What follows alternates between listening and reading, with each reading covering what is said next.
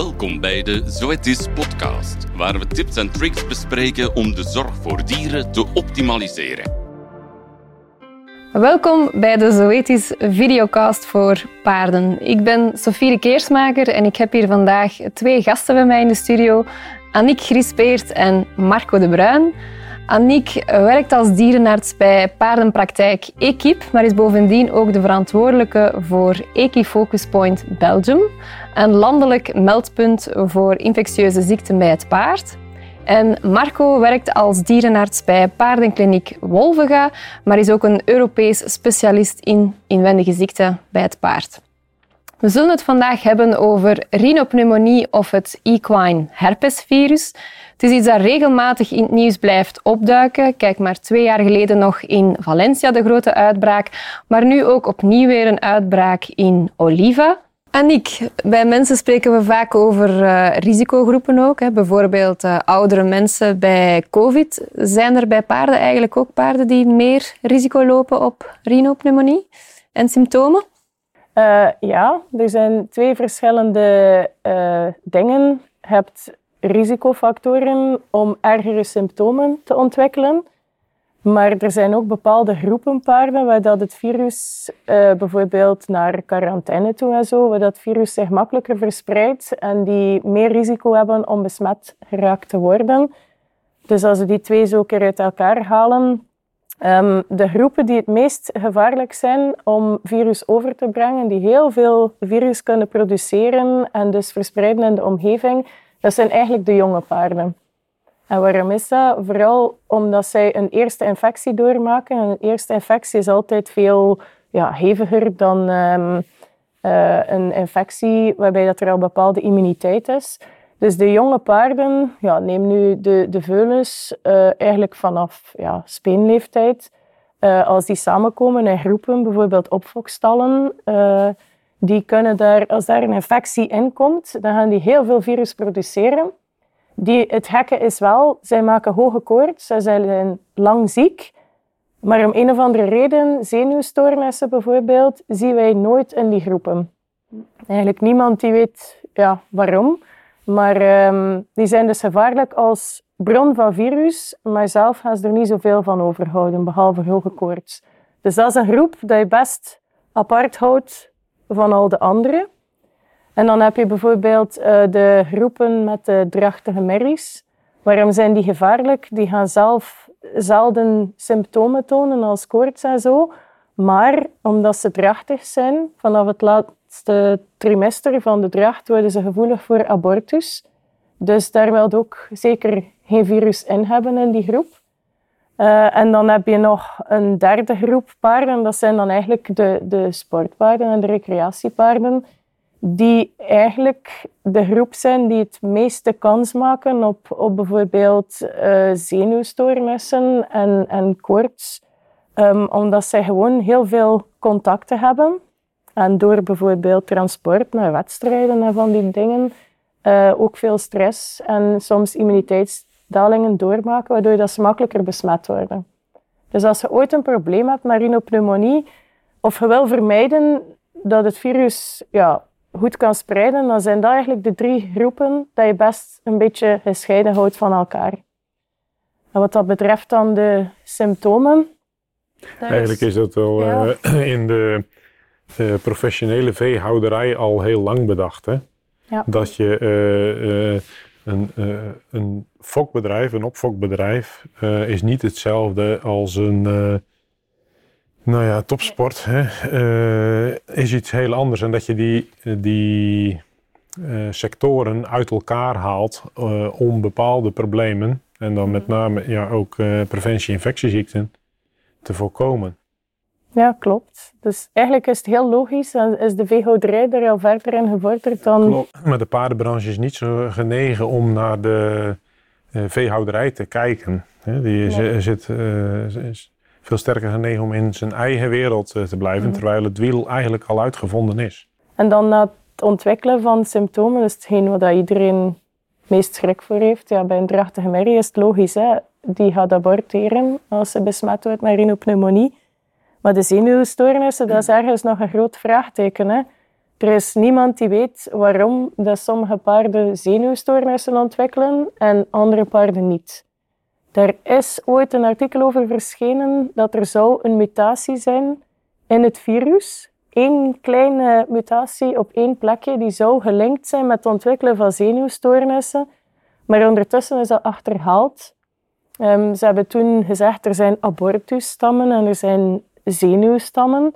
Maar blijkt dus niet te kloppen, want de abortusstammen geven ook zenuwstoornissen en de zenuwstammen geven ook abortus.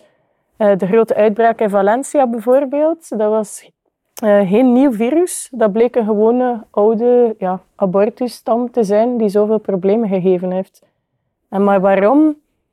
Ik denk dat Kees van Manen heeft ook een onderzoek gedaan daarnaar, hè? Nou, naar risicofactoren. Nee, Loets Keuring eigenlijk meer, mm, denk ik. Ja. Ehm, waarbij er eigenlijk wel naar voren kwam dat er mogelijk wel uh, rasverschillen zijn, ja. ook geslachtsverschillen en leeftijdsverschillen. Ja. Dus het wat oudere paard, de merrie en bepaalde rassen, dat die eh, iets gevoeliger zou zijn mhm. Om eerder uh, problemen in het ruggenmerg te krijgen bij het doormaken van virus. Ik denk dat de, de respons van de host, van de gastheer, mm er voor iets tussen zit. En misschien is dat ook waarom eh, de jonkies er minder last mee hebben. Want die zijn natuurlijk mhm. qua eigen immuniteit nog vrij naïef. Dat zie je ook wel in de meeste velduitbraken. Degenen die sneuvelen zijn vooral merries en oudere merries, zo boven de tien. Ja. Die zijn meer gevoelig, maar eigenlijk nog altijd niet achterhaald waarom dat, dat zo is. En zijn er dan bepaalde maatregelen belangrijk of zo? Dingen die mensen kunnen doen als hun paard tot zo'n risicogroep behoort?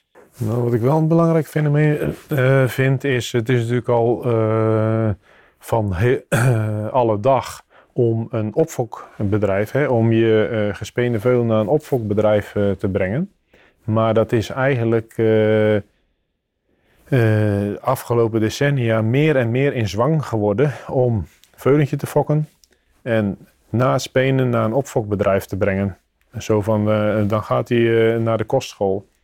Maar uh, met de toenemende populatie, paardenpopulatie en met het toenemende aantal fokkers wat of zelf die eigen veulens niet thuis kan hebben vanwege ruimte of ze staan op pensioen of wat dan ook, zijn er eigenlijk meer en meer opfokbedrijven gekomen. Maar ook wel opfokbedrijven die, met alle respect, niet altijd gehinderd zijn door enige kennis van zaken. Uh, waaronder uh, preventie infectieziekten. En eigenlijk uh, zou het zo moeten zijn dat, met betrekking tot, tot de rino, maar ook bijvoorbeeld voor, de, voor de griep en zelfs voor de droes, dat die, die, die enters eerst goed gevaccineerd worden, -huh. een voldoende immuniteitsstatus hebben, om dan pas in een bepaalde groep op een opfokbedrijf geïntroduceerd te worden. Omdat als dat niet gebeurt,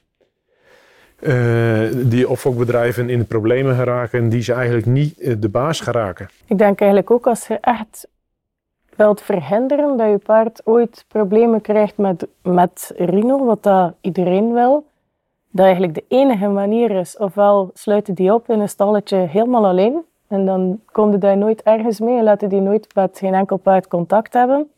Ofwel gebruik je de enige tool eigenlijk die we hebben, die misschien niet 100% perfect is, maar wel enorm bijdraagt tot de vermindering van de circulatie van virus en de ernstigheid van symptomen. En dat is gewoon vaccineren. Dat is eigenlijk het enige ja, dat we hebben. En dan e- even terugkomend op uh, opnieuw het wiel uitvinden. Mm In de professionele veehouderij, sorry als ik het mag aanhalen. Uh, bij het varken is mijn, zijn, zijn herpesvirus natuurlijk al uh, lang geleden kwijtgeraakt door een hele uh, fanatieke endcampagne. Bij de runderen ook. Hè? En bij de runderen nu ook. er zijn zat IBR-vrije bedrijven. Hè? Dus IBR is de herpes van, van de koe. En daar heeft men het veelal wel onder controle. Ja. Uh, of pakt men het veel professioneler aan? En wij zijn dan eigenlijk nog een beetje zwemmende. Het enige dat wij natuurlijk niet kunnen doen bij de paarden is in de veehouderij ruimen ze op de dure paarden die positief zijn. Hè? Dat kunnen wij natuurlijk niet maken, maar vaccin zou wel een heel groot verschil maken. Nee, ik denk uh, euthanasie is niet aan te raden. Nee. nee, maar kijk, het feit dat je... Uh, kijk ook maar naar de, de, mensen met de, uh, met de corona. Als je een populatie hebt met een voldoende hoge vaccinatiegraad, dan ehm, maakt het, het virus al veel minder succesvol. Maar op, kijk naar op de allerlei griep. verschillende manieren. Hoeveel griepuitbraken hebben wij na 100 paarden? Weinig, hè? Ja. Maar die vaccinatie wordt enorm gepromoot en dat is al jaren. Eigenlijk de klassieke grote griepuitbraken hebben we niet meer, hè? Nee. En dat terwijl dat, dat vaccin ook niet 100% beschermt, hè? Dat klopt, zeer zeker. Uh, Dus want voilà. paarden krijgen nog steeds griep, ondanks dat daar een uh, behoorlijke vaccinatiegraad in zit. Maar ehm, Uh, ik heb altijd wel, ik heb wel gedacht vroeger van, ja, is dat niet overdreven dat we al die paarden griep vaccineren? Ik bedoel, mensen krijgen het ook wel een griepje, wat geeft dat nu? Totdat ik een, een keer een, een hengstenstal een serieuze griepuitbraak zag meemaken. Maar die hengsten, dat zijn dus gewoon volwassen hengsten, drie, vier jaar, die liggen gewoon een week plat, hè? Mm -hmm. Dus dat is toch niet te onderschatten. Oké, okay, maar dank u wel Marco en Aniek voor opnieuw een, een boeiend gesprek. Ik wil onthouden zeker dat het belangrijk is hè, om de, de, jonge paarden, de drachtige merries, de sportpaarden, paarden die veel in contact komen met andere paarden, om daar toch extra waakzaam te zijn en dat vaccinatie ook zeker in die groepen een, uh, een belangrijke key factor kan zijn. Willen jullie nog meer weten over rhinopneumonie of andere aandoeningen bij het paard? Bekijk dan zeker onze volgende opnames op de website van Zoetis of het Zoetis Spotify kanaal.